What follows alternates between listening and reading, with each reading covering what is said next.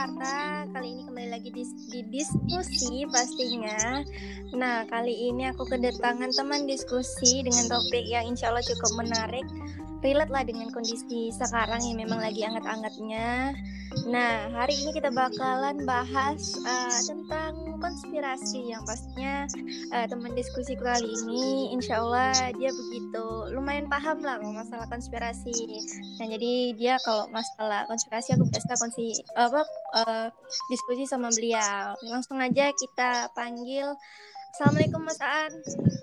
Waalaikumsalam warahmatullahi wabarakatuh, Jasi. Nah, Mantap nih. Boleh perkenalkan diri dulu Mas Aan dari mana? Aduh. Oke. Buat para apa ya? Kalau namanya podcast apa sih? Pendengar. Subscriber, follower atau apa sih? Pendengar. Pendengar ya. Oke, buat pendengarnya Chelsea, eh, assalamualaikum. Aku An. Jadi aku domisili di Semarang sih. Mhm. Jadi kenal Chelsea pun sebenarnya dari Twitter waktu itu gara-gara dia nge-like salah satu komenku aku lupa itu. Oh iya kan? Terus iya, terus akhirnya aku cari ternyata dia itu influencer gitu kan.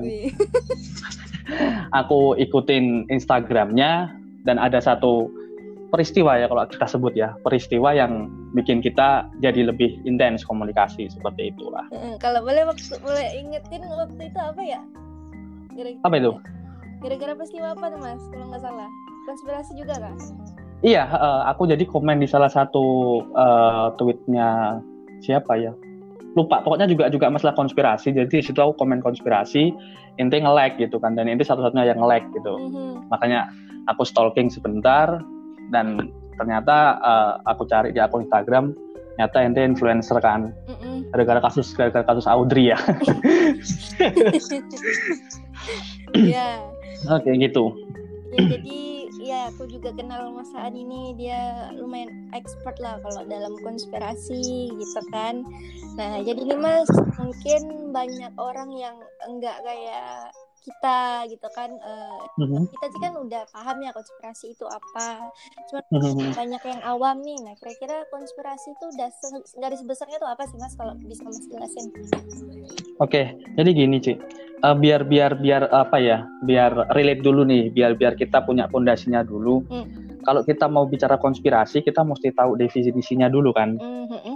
Ah, ah, jadi di beberapa literasi yang beberapa buku yang aku baca atau beberapa diskusi yang pernah aku ikutin, Mhm. bahkan eh, untuk ringkasnya mungkin di Wikipedia juga teman-teman bisa lihat.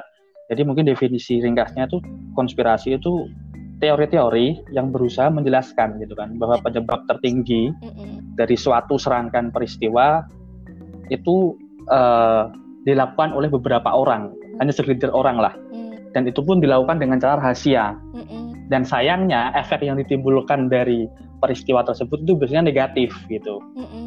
Nah, ah, nah akhirnya muncullah konspirasi itu tersendiri gitu. Nah, sayangnya yang tidak diketahui publik itu di depannya tuh ada kata teori gitu. Jadi eh, teori konspirasi gitu seperti itu. Berarti Orang-orang juga ya Ah, Iya, makanya. Eh, jadi teori konspirasi ini kan masih berupa teori, jadi masih berupa gagasan, masih berupa analisa pribadi, tidak pernah bisa diuji secara ilmiah seperti itu. Ya. Tidak pernah bisa diuji secara eh, empiris, tidak pernah tidak pernah bisa diuji secara ilmiah. Mhm. Orang-orang yang sangat menyukai teori konspirasi biasanya biasanya itu berdasarkan info-info yang eh, sorry to say nih eh, out of the box lah gitu. Jadi dia tidak uh, dia tidak mengikuti informasi mainstream gitu. Tidak salah gitu. Karena uh, uh, karena uh, bagi aku pribadi pun uh, menggeluti lah kalau aku bilang bukan bukan ahli bukan expert enggak. Aku menggeluti konspirasi sejak tahun 2006. Jadi kalau uh, uh, kalau boleh cerita sedikit nih, awal mula aku mulai kenal konspirasi pun gara-gara kalau kata Syekh Imran Hussein ya salah satu ulama yang juga expert lah di bidang-bidang seperti ini, beliau mengatakan eh, awal mula aku perkenalan dengan teori konspirasi itu adalah apa yang dikatakan oleh Syekh Imran Hussein sebagai eh, penipuan terbesar dalam sejarah umat manusia, Hmm. yaitu eh, yaitu rubuhnya eh, Twin Tower di World Trade Center ya. 9/11. Iya, betul 911 gitu. nah, eh, dari situ akhirnya aku mulai menggali, mulai menggeluti lah beberapa buku yang aku beli, beberapa buku yang aku baca, diskusi juga kenal sama teman-teman yang uh, kebetulan sefrekuensi dengan ini jadi semakin banyak kenalannya seperti itu. Dan memang untuk hal hal-hal yang cukup cukup apa ya kalau aku bilang cukup bombastis cukup booming di dunia ini peristiwa-peristiwa yang cukup uh, cukup besar di dunia ini dipercayai pasti ada dua sisi gitu. Ada yang benar-benar sisi yang secara realnya, secara faktanya, atau ada sisi dari Gelapnya. para pengikut konspirasi. Iya benar, para pengikut teori konspirasi tersebut. Betul. Jadi mungkin garis besar seperti itu sih, Cip. Malahan kalau uh, apa ya, aku mungkin belum lama mendalami, cuman secara garis besar aku tangkap bahwa di saat kita udah terjun ke konspirasi, mendalaminya, aku justru mikir bahwa hmm ada satu fakta dari dunia ini yang kita nggak tahu yang sebenarnya itu ngeri banget gitu loh kalau semua orang tahu dan itu kebongkar nyatanya ya nggak sih mas? Dan itu sebenarnya betul, kita sekali. udah uh, mengikuti sistem itu join into the system dari long time ago. Dan betul sangat udah, benar. apa ya udah terikat dari lama. Jadi kalau lepas juga lu nggak bisa gitu. Kecuali memang dari individunya sendiri gitu ya kan? Sepakat. Nah sepakat sepakat. betul betul. sistem yang uh, sudah ada di dunia sekarang yang mungkin sistemnya juga kita pakai gitu loh. Nah, ya gak sih? Dan betul betul memang betul. produk mereka. Nah mereka ini biasanya dikenal dengan uh, elit global. Tapi sebelum masuk ke sana sih mas uh, ini kan kalau orang entah ya aku nggak bisa mengatakan orang awam tapi ada juga orang yang nggak awam dia juga uh, membedah teori konspirasi tapi masih menafikan fakta itu. Ya memang sih aku memaksakan orang untuk percaya. Cuman kan gini ya kita boleh belajar boleh uh, know about something new tapi jangan hmm berkata bahwa ah ini bohong ah ini apa ya nggak bisa juga ya kan? At least lu terima Betul. aja tanpa tanpa menjudge gitu loh. Karena boleh jadi mhm, ya mhm. karena ini kan belum kejadian hmm. ya kan? Yang kayak betul betul baru, sepakat. baru happening kalau misalnya udah kejadian kayak contohnya sekarang aja gitu gitu.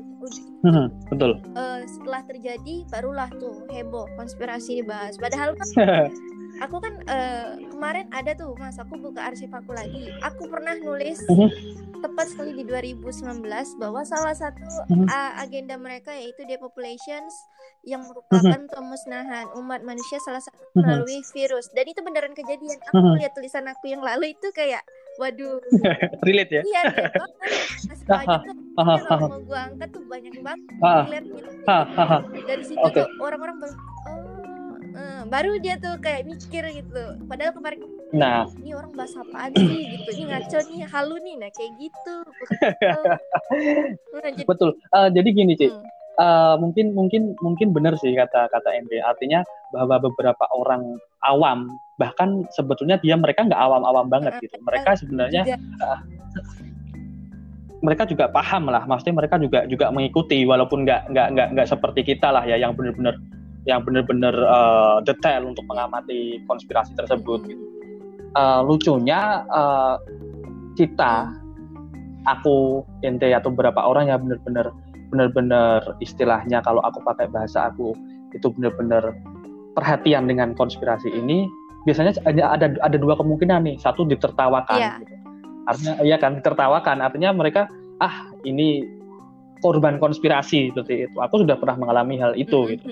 Terus yang kedua, ada beberapa orang yang yang mau menerima argumen kita walaupun mereka nggak sepakat tapi mereka mau. Coba coba ente jelasin lah apa uh, dasar argumen ente. Dan kita memang hidup di, di zaman ketika uh, jika kita punya pikiran out of the box, maka uh, dua kemungkinan yaitu kita dicibir, ya, dijulitin lah kalau bahasa yeah. sekarang, ya atau ditertawakan lah minimal ditertawakan yeah. kita seperti itu. Dan kenapa aku masih mendalamin ini? Karena Mas, uh, ini juga mm-hmm. dibahas oleh para ulama dan masuk dan relate banget sama materi akhir zaman. Maka dari itu kenapa yes. kalau kita mau mikir dalam, bedah dalam tanpa menjudge, itu pasti nyapunya ke sono mm-hmm. gitu. Tapi nggak semua orang nyampe ke sono gitu loh. Jadi ya gue mm-hmm. juga. Nah, gimana ya Mas? Uh, mm-hmm. Orang ini kan belum apa-apa udah menjudge, ditertawakan Dan ini juga hal yang memang benar kata Mas tidak bisa dibuktikan secara ilmiah kecuali dia beneran uh kejadian depan mata. Nah, baru lo kaget. betul, betul. Ah, jadi gini, jadi kalau tadi ente sempat nyinggung di population agenda gitu. Kalau aku boleh cerita sedikit soal sejarahnya gitu kan. Iya, ini bisa bisa jadi bahan tertawaan untuk orang-orang yang tidak percaya konspirasi. Cuma jadi, ini nah, ada buku. Alur gitu aja lah ya. ya kan? Tapi uh, tapi ini ini ada ada dasar ada dasarnya ada ada bukunya ada ada penelitiannya ada beberapa pakar sejarah juga me, meneliti soal ini. Jadi uh, depopulation agenda itu sebenarnya masuk dalam salah satu uh, agenda. Ini jatuhnya lagi-lagi ke Zionis Israel kan seperti mm. itu. Ada uh, kan? Ada protokol of Zion namanya protokol of ya, Zion gitu. jadi ada uh, uh, di situ ada 40 item yang di mana salah satunya uh, itu tentang depopulation agenda. Di situ disebutkan kalau saya salah mohon dikoreksi. Jadi bumi ini se tidak selayaknya dihuni oleh bermiliar-miliar manusia gitu. Bumi hanya bumi akan seimbang jika hanya dihuni oleh sekitar 500 juta manusia gitu. Seperti itu. Jadi uh, ada beberapa kalau tadi ente sebut sebagai elit global gitu. Hmm. Memang mereka merencanakan hal bukan memang sih kalau kalau bagi para penganut teori konspirasi mereka percaya bahwa elit global ini segelintir orang yang punya kekuasaan penuh power yang sangat luar biasa ini uh, bisa mengatur lah, bisa men-setting bahwa oke okay, kita kita butuh orang hanya sekian aja nih yang perlu yang harus hidup di dunia. Sisanya kita musnahkan aja dan itu memang uh, kalau kita mau berpikir agak kritis sedikit lah bagaimana perang pun juga menghabisi umat manusia, bagaimana beberapa kasus-kasus tentang kelaparan dan sebagainya juga menghabisi umat manusia dan sekarang mungkin benar kata Bill Gates gitu bahwa di tahun 2015 uh, Bill Gates itu pernah berkata di salah satu apa ya nah, diskusi internasional lah gitu mengatakan bahwa uh, 10 tahun ke depan dekade ke depan dari 2015 ya Bill Gates mengatakan bahwa bukan lagi perang bukan lagi nuklir bukan lagi bom atom yang akan menghancurkan umat hmm. manusia tapi ada satu ada satu sejenis uh, senjata baru yang bernama mikrobiologi hmm. gitu. Nah, makanya akhirnya nanti akan nyambung bahwa ini konspirasi coronavirus ini, COVID-19 ini Kenapa dikaitkan dengan Bill Gates? Salah satunya ya, adalah uh, iya, iya salah satunya adalah quote dari Bill Gates pada tahun 2015 tersebut. Begitu, iya, karena Mas kalau kita mau perang pakai nuklir bakal hmm. ketahuan oh si Cici kirim nuklir. Hmm. Nah, tapi coba kalau misalnya uh, misalnya misalnya aku nyebarin virus secara diam yang nggak kelihatan. Sama sekarang udah siapa? Ya kan? Salahin aja si virus betul sekali. ya. betul. Kan, betul betul. uh, jejak kejahatannya yang nggak kelihatan nggak bisa disalah-salahin gitu loh iya sepakat nah, sih. Betul sekali. sa uh, salah apa benar sih kalau saya bilang bahwa elit global ini merupakan orang-orang di balik layar yang dia itu bisa jadi ya koreksi kalau salah bisa jadi merupakan uh, beberapa toko yang terkaya di dunia yang dia bisa menguasai uh, dari segi media mungkin.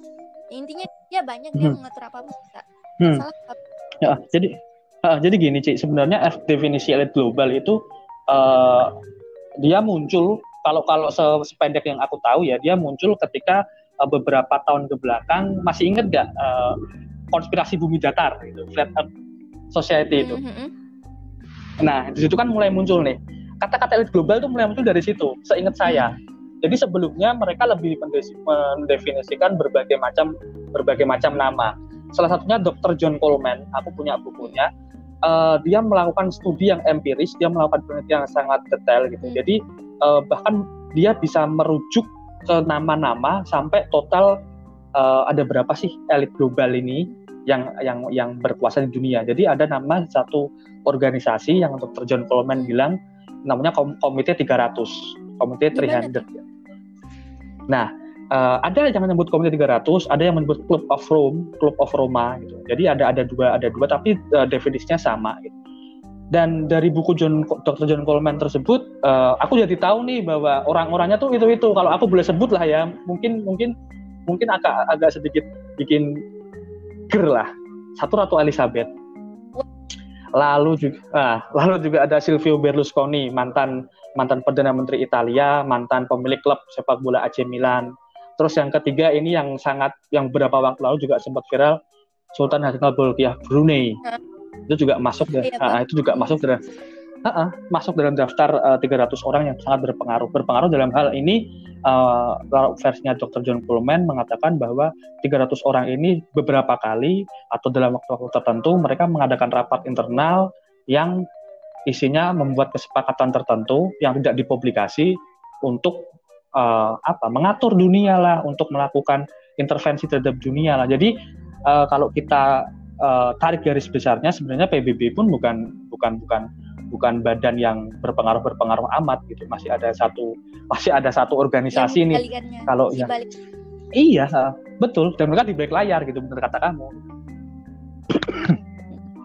Seperti itu ngomong-ngomong uh, yang dibahas masaan tadi masalah uh, teori datar kita nggak ke sana tapi kita like oke okay, siapa ya, ini ya, memang oh, okay. yang itu sih Jadi, kita ke yang lain aja gitu biar tidak terjadi bla bla bla bla bla perdebatan ya ya jadi ya anggap aja lah ini diskusi uh, ngalor ngidul yang mau pertanyaan silakan hmm. ya juga nggak masalah buat Iya Kenapa betul. Kita, kita hmm. belajar something new. Nah sisanya kalau sisanya yes. jangan lu pikirin di rumah hmm. gitu. Uh, kira-kira kan ya kita sama keadaan zaman sekarang masuk akal nggak ya gitu.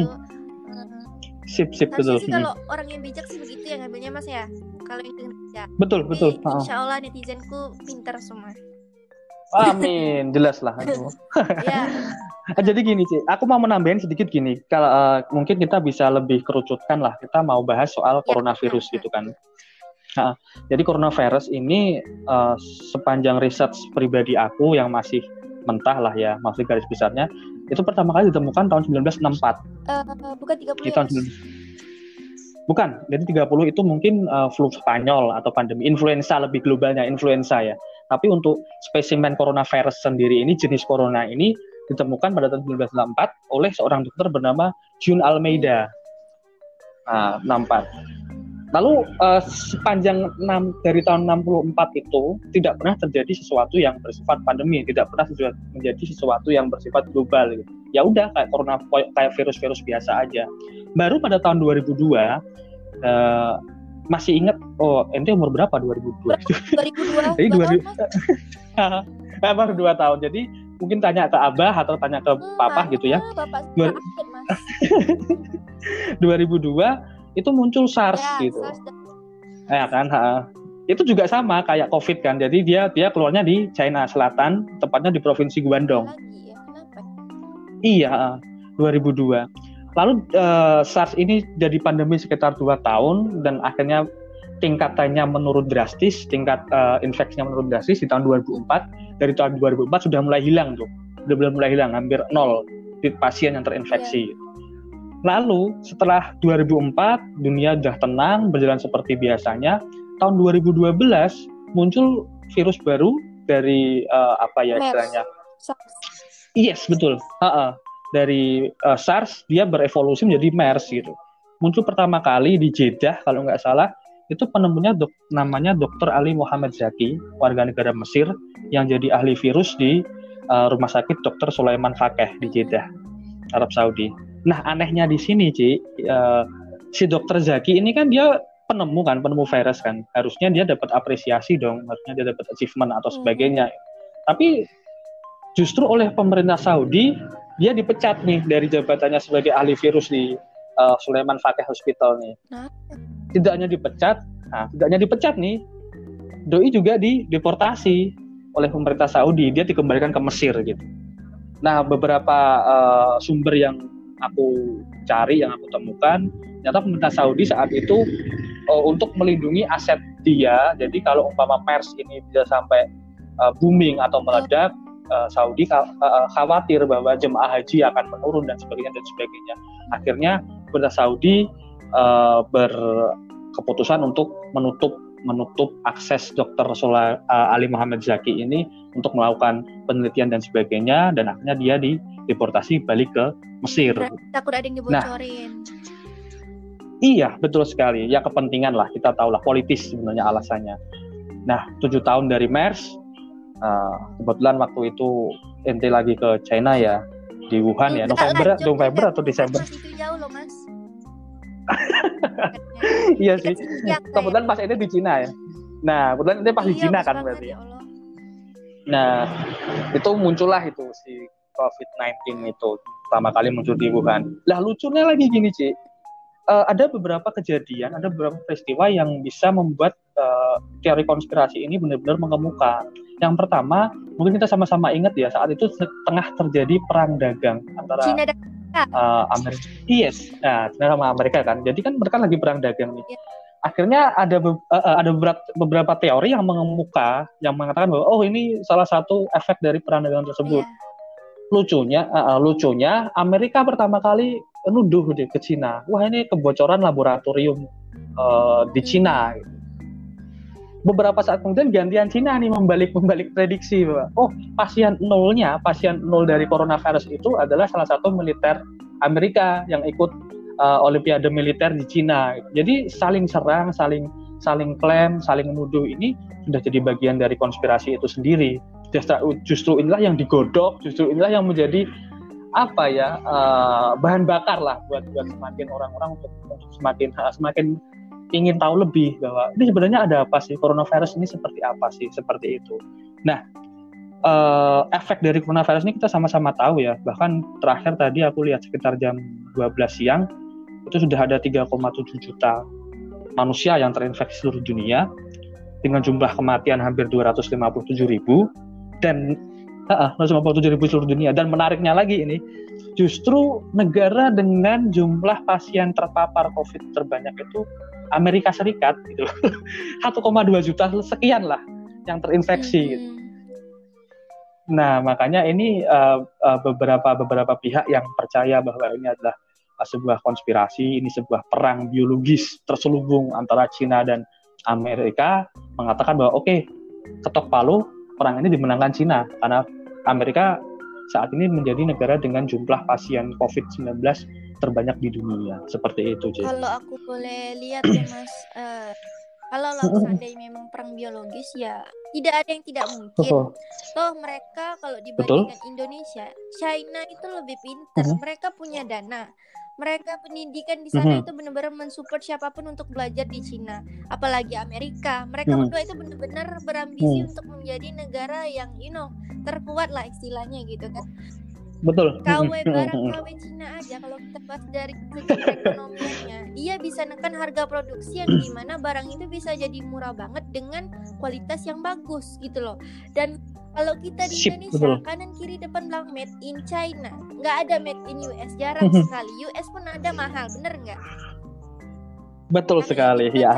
Jadi efek kemudahan, uh, ya kan? Strategi dagang. Betul sekali, ya. Nah, uh, jadi uh, kalau kita mau perang nuklir, kayaknya uh, apa ya agak serem gitu bakal disalahin sama satu satu dunia sama negara-negara lain betul Jadi, iya betul ini rajin pinter boleh jadi nih boleh jadi Allah alam ya mending pakai yang nggak nampak aja gitu ya kan ya, ya makanya ya, efek yang ditimbulkan juga luar huh? uh, efek yang ditimbulkan juga luar iya, biasa gitu loh. Jadi uh, Cina Cina yang lumpuh yang katanya dari Cina satu dunia kena, satu dunia nggak bisa bisnis. Hmm. Orang-orang pada kelaparan tuh gara-gara Cina. Dan saya mikir ya pak. Iya makanya bisa amat tuh kayak begini gitu loh. Kan kayak ibarat. Uh, tapi gini sih. Uh, tapi gini sih, kalau kalau kita pakai analogi analogimu yang kayak gitu ya, jadi harusnya harusnya yang dipersalahkan oleh para penganut teori konspirasi ini kan justru China gitu loh. Justru justru justru oh berarti berarti memang apa ya kita judge-nya ke China gitu, hmm. harusnya. Tapi yang berkembang justru malah Amerika yang disalahkan, Bill Gates yang disalahkan dan dan sebagainya itu kayak kayak ya. kayak berarti, iya, Mas, you know lah. Di sini Cina berhasil membuktikan hmm. powernya. Nah, betul sekali, Cik. tuh dia bangun bangun apa? Bangun rumah sakit berapa rumah sakit hari 10 hari hmm. ya kan nah, uh, luar biasa bukan tega ya bilang covid ini keren apa gimana kerennya tuh strategi mereka loh bayangkan dari covid ini orang-orang bakal berpikiran uh-huh. bahwa Cina ini kekuatannya gede sekali. Dari uh, apa dari dunia medis lah katakan. Dia bisa nyembuhin banyak orang secara cepat loh berapa bulan doang karena covid. Bangun rumah sakit nggak pakai lama. Bayangkan karena mereka ada. Oke okay lah kita katakan katakan kalau mereka tak kabur apa gimana. Tapi kenyataan kayak begitu gitu loh. Dan gara-gara dia doang tuh satu dunia kena gile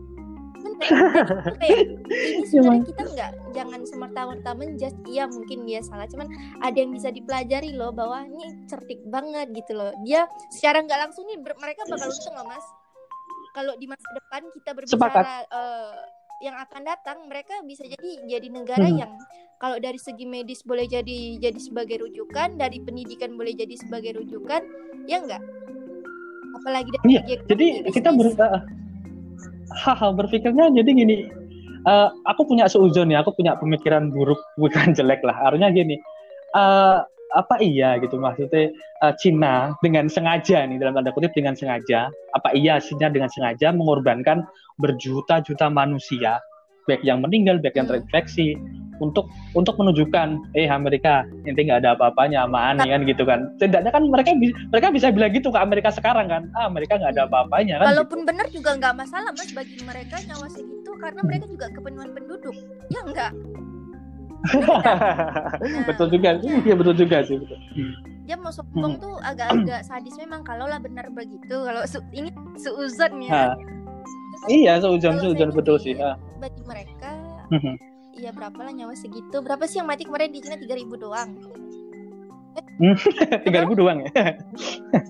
Iya masa tiga ribu ya, doang 3 gitu kan? doang mah gitu. Kan mereka juga udah kepenuhan rakyat gitu ya kan? Ya sekecil mas hmm, segitu. Hmm, bangun rumah sakit nggak seberapa dana gue ada lu mau apa kayak gitu. Jadi ibaratnya kayak gimana ya? Mereka tuh siap semua untuk uh, apa yang beginian sama negara Amerika. Cuman ya kasiannya apesnya negara-negara yang kayak kita nih yang masih berkembang maju juga belum udah apes gitu loh. Gagal kita gitu. Nah, gitu. betul betul.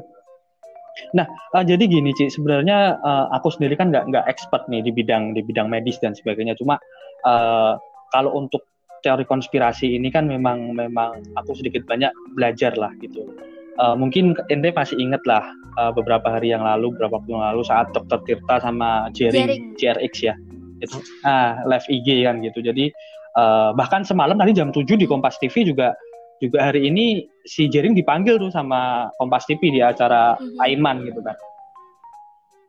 Uh, ada satu hal menarik yang aku lihat di sini. Jadi bahwa uh, konspirasi, teori konspirasi yang dulunya dipandang mulai, sebelah mata, dunia dicibir.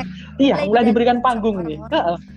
iya, uh, mulai diberikan panggung bahkan oleh televisi nasional gitu, setelah Kompas TV bahkan manggil jaring gitu. Aku ikut beberapa grup yang isinya memang cendekiawan lah kalau yang mereka pakar-pakar gitu. Mereka mereka seakan kayak bukan ngejek sih, artinya apa sih maksudnya Kompas TV seorang jaring di, diberi panggung gitu cuma bagi uh, iya kan? Uh, bagi aku pribadi uh, kenapa kita nggak adil aja? Kalau ente mau berargumentasi dan didengar, dan uh, didengar publik itu sah-sah aja. So jaring juga berhak dong untuk ngasih argumentasi untuk untuk ngasih pendapat di depan hmm. publik gitu. Kita harus adil dari Asal situ kan gitu. aja sih dia ngomong. Betul betul betul. Dan apa ya uh, aku menurutku tidak salah kita mendalami teori konspirasi karena di saat kita belajar konspirasi kita itu dipaksa untuk melek terhadap dunia dalam skala besar which mean pemikiran kita Betul. dipaksa terbuka untuk kita nggak bisa oh nggak mungkin kayak gini nih dunia bakal kita nggak bisa kayak gitu kita hmm. harus nerima, nerima hmm. masuk dulu semua apa-apa rumor segala macam hmm. baru itu kita dalemin hmm. kritisin oh logis nggak hmm. ya oh hmm. make sense nggak ya uh, hmm. cari dasar lain hmm. lagi apalagi secara tidak langsung belajar te teori konspirasi itu kita melek dunia gitu loh belajar aware betul, menjadi betul. waspada terhadap segala sesuatu bukan menjadikan kita apa ya kayak dungu lah atau halu apa enggak Lagian nih ya, teori konspirasi hmm. itu yang mendalaminya orang-orang pinter semua. Mas Dedi, Dokter Cipta, mereka pinter loh. Ah, betul betul. Jadi ada ada uh, jadi ada satu film gitu. Jadi ini agak-agak agak aku aku itulah aku relatein ke satu film tahun 2002 2003 lah judulnya Kill the Messenger itu. Itu dia ceritanya uh, seorang whistleblower lah. Dia seorang whistleblower, dia wartawan di salah satu surat kabar. Ini kisah nyata ya, akhirnya difilmkan. Wartawan di salah satu surat kabar yang nggak begitu besar di Amerika sana.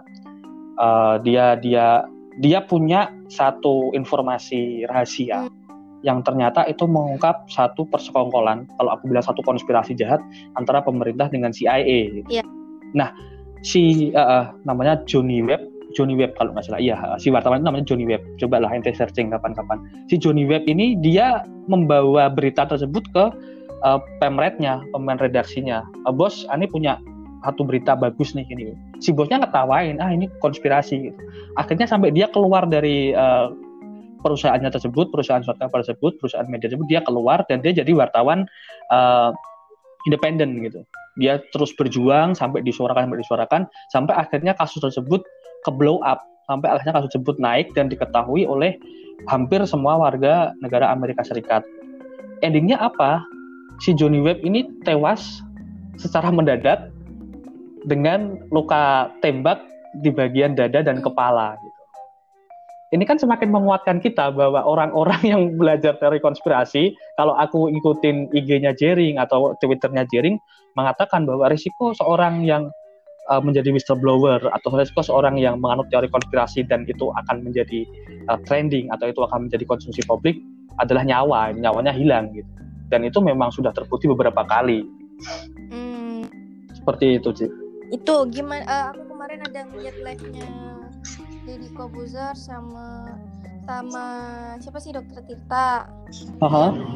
Ya highlight baru yang aku tangkap sih bahwa hmm. kalau lah seandainya vaksin ini keluar, tapi kalau secara logika dan berdasarkan pemaparan dokter yaitu dokter Tirta dan temannya itu sendiri, mereka bilang nggak mungkin vaksin itu secepat hmm. itu ditemukan. Ada nggak mas? Hmm. Nah, Oke oke, okay, okay. aku aku nangkap sih. Ya. Hmm. vaksin itu ada, uh, dan rumornya misalnya ditempelin chip lah apa segala macam. Kalau misalnya nih, mereka menjadikan itu bisnis dan bikin lagi peraturan lu mau nggak mau harus vaksin corona. Kalau enggak lu nggak bisa uh, akses ke sana ke sini ngapain begini begitu nah mau nggak mau kita yang sekalipun uh, mengamati teori konspirasi ya mau nggak mau ya boleh jadi juga kita bakal ikut permainan mereka gitu gimana Iya, benar sih. Jadi gini, uh, kita pakai perbandingannya secara skala luas aja gitu. Bahwa orang-orang yang menggeluti konspirasi, suka dengan teori konspirasi kan jumlahnya nggak sebanding dengan orang-orang yang mm-hmm. acuh dengan teori konspirasi gitu. Jadi ketika ada ada apa ya keputusan lah atau ada ada satu satu temuan dari orang-orang yang tadi kita sebutkan elit mm. global lah pakai bahasanya Jering uh, hmm. mereka mengatakan bahwa eh aku nemuin vaksin nih tapi harus uh, ditempel hmm. dengan chip atau harus disuntik dan sebagainya gitu. Padahal kita sendiri tahu yeah. bahwa itu merupakan agenda mereka gitu. Tapi karena karena mau nggak mau uh, satu sistem itu sudah terbangun dengan kuat, satu sistem itu terbangun dengan kokoh dan iya. diikuti oleh sebagian besar manusia, mau, mau. otomatis kita akan masuk di dalamnya. Contoh Iya betul, uh, imunisasi yeah. lah dan sebagainya itu sudah merupakan contoh. Gitu. Sorry to say. Iya. Nah, ya makanya itu. Eh, kadang-kadang juga uh, kita nggak bisa menafikan lah bahwa kita hidup di era seperti ini. Baik lagi ke uh, omongan kita dari awal tadi, kita nggak bisa menafikan bahwa kita hidup dalam satu circle, dalam satu lingkaran yang uh, yang oh. iya uh, dari dari satu lingkaran yang iya mau nggak mau kita harus mengikuti ngikutin mereka gitu. Mau nggak mau kita memang harus masuk ke dalam mereka. Tapi setidaknya di sini aku tekankan bahwa uh, lebih baik kita mengerti, lebih baik kita mengerti akan hal itu, terus ikut terjun ke dalamnya daripada kita benar-benar yang nggak tahu apa-apa. Artinya apa? Artinya jiwa kritis kita, akal kita yang dikasih Allah mm -mm. untuk berpikir kita pakai gitu loh. Bukan kan kita nggak nggak seperti kebu yang dicocok hidungnya gitu, yang ke mana-mana ya lah, oke okay lah, oke lah. Intinya kita sudah menyuarakan, artinya oh aku tahu ini salah, tapi karena ini berhubungan yeah. dengan sistem yang sudah dibentuk dengan kuat hmm. dan aku nggak ada power untuk melawannya ya oh, suka nggak suka mau nggak mau ya kita yeah. ya keadaannya seperti ini gitu aku aku aku nggak bisa nggak bisa nolak gitu tapi setidaknya kita sudah kita sudah ikut berpikir setidaknya kita sudah uh, mengasah nalar kita kita sudah pakai alat akal kritis kita untuk untuk hmm. mencari tahu yeah. sebenarnya ada apa sih Dan ini seperti ya, itu. Bukan sih. juga kita belajar untuk melawan sistem yang udah dibangun, nggak bisa semudah itu juga. Di atas lebih pintar, lebih berdua daripada kita. Kita mah apa Betul. rumahan pasar doang nggak bisa. Kita cuma minimal mikir aja ikutan mikir. Oh, ada yang gitu. sekedar tahu aja gitu. Iya, sepakat dan ya kalau sepakat, boleh sepakat, sedikit, sepakat, sistem sepakat. mereka itu ya kayak sistem perbankan yes, the Fed, the Fed dan sebagainya. Kalau kita ngomongin konspirasi, kita nggak bisa lepas dari sejarah kan gitu. Beberapa kali kita tektokan, beberapa kita chattingan kan, aku selalu menekankan bahwa, yeah, yeah. ayo Cik, kita belajar sejarah gitu. Karena dari sejarah itu kita bisa tahu, bahkan kita bisa memprediksi ke depan seperti apa, walaupun hanya 20-30 persen. Tapi ketika kita melihat sejarah, ketika kita melihat masa lalu, kita bisa, oh ini. Uh, akan nah, seperti apa dunia ini ke ya, depannya. ada hubungannya. Semua Pada korelasi kan. sejarah yang aku baca itu rata-rata hubungan mas. Hmm, hmm. Rata-rata sejarah Islam sih mas. Iya? Hmm. Kan kayak misalnya Yerusalem hmm. penaklukan betul, betul, Yerusalem, Konstantinopel, terus uh, tentang Yahudi, tentang Israel. Hmm. Ya kan itu mereka merekanya dari situ juga dari masa lalu orang-orangnya kan. Iya, siklusnya akan kembali lagi kayak gitu sih, nggak bisa enggak gitu. Apalagi kita sebagai umat Islam kan kita percayalah akhir zaman seperti apa, musuh kita siapa udah jelaskan semua sama Dan baginda Rasulullah ya kita, kan seperti itu. Di sini aku sekali lagi mengatakan bukan mau mengatakan bahwa COVID itu tidak ada, COVID itu ada, hanya saja yang salah itu kalau orang-orang menganggap bahwa COVID itu hanyalah sekedar uh, apa ya kayak spread the fear gitu yang nggak bisa juga. Ini katanya ya banyak udah banyak yang meninggal ya mau di masa mau dikatakan ya kan nggak wajar gitu angkanya gitu. Ya kan mas kan? Kan nggak mungkin kita mau bilang ini nggak ada secara yang mati udah berapa betul. ratus ribu gitu secara kompak dan gejalanya iya betul. covid ini nggak ada.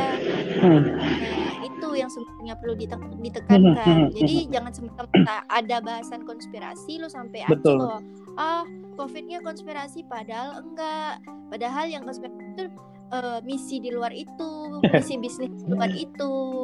Oh, kalau nggak ada mah betul mungkin betul. ha, jadi Cina bikin rumah sakit segala macam kan nggak mungkin semuanya kena kanker. Ikat aja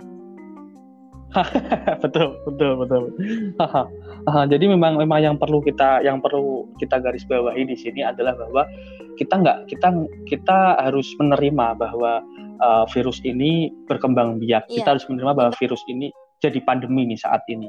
Cuma, uh, cuma uh, cuma jangan sampai ketika kita belajar konspirasi, ketika kita belajar tentang teori konspirasi, jadi kita acuh gitu. Allah ya, ternyata konspirasi, ternyata kita menggampangkan gitu. Kita nggak Iya. Karena ini nggak nampak. Sangat merugikan kanan kiri, betul sekali itu.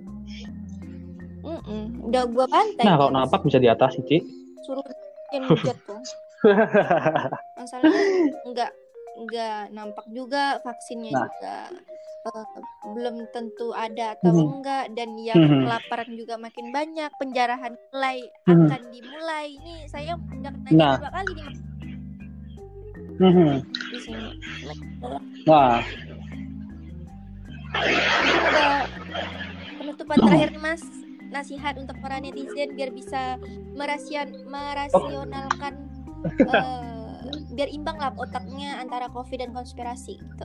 Oke, okay. uh, jadi gini, baik lagi ke obrolan kita tadi kan bahwa uh, belajar konspirasi itu sah-sah aja. Malah kalau bagi aku sendiri untuk uh, generasi muda macam Chelsea, teman-teman Chelsea lah yang mungkin uh, masih masih tajam-tajam lah otaknya. Itu bagi aku wajib lah untuk berpikir kritis. Untuk berpikir bahwa out of the box itu nggak salah itu bukan haram itu hak kita gitu. Jadi artinya bahwa uh, ketika ada satu peristiwa yang besar melanda dunia ketika ada satu peristiwa yang uh, memberikan efek yang luar biasa terhadap umat manusia kita nggak kita nggak boleh nih menutup mata bahwa kita harus kritis, kita harus melatih uh, nalar kita bahwa hey ini ini nggak nggak nggak nggak sedatar yang diberitakan media. Karena kita sama-sama tahu media itu ya dikuasai oleh orang-orang tertentu lah itu itu aja lah. Kita nggak bisa kita nggak bisa menggantungkan informasi yang kita terima hanya dari media mainstream.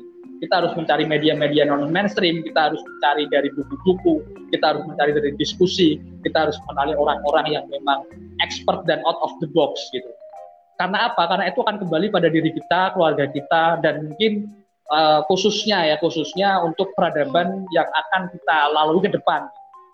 Efek COVID ini nggak mungkin nggak hanya terjadi sekarang sih kan, mungkin terjadi akan memberikan efek dampak yang perubahan peradaban 5-10 tahun ke depan, pakai masker lah, cuci tangan lah, social distancing lah, mungkin akan jadi hal-hal yang lumrah untuk 5-10 tahun ke depan. Di mana hal itu menjadi hal yang aneh, di mana hal itu menjadi hal yang asing bagi generasiku lah, generasi generasi lima sepuluh tahun ke belakang. Hmm. Nah, artinya ya, ya. apa, Bang? Halo, halo. Artinya artinya bahwa mempelajari konspirasi itu uh, tidak salah, tidak haram, tidak tidak tidak merupakan satu aib, tapi justru menjadi satu nalar kritis kita, justru menjadi value kita untuk untuk untuk menunjukkan pada dunia bahwa hey aku nggak seperti kalian, aku nggak seperti kalian kebanyakan yang hanya yes man, yang hanya iya iya aja, tapi aku mempunyai pandangan, aku punya sikap yang yes ada prinsip yang harus aku jaga, harus aku pegang, di mana bahwa ya. dunia ini nggak baik-baik aja. Kalau menurut aku seperti itu sih. Kita justru kecerdasan kita yang bisa merubah dunia Allah Allah ya kan?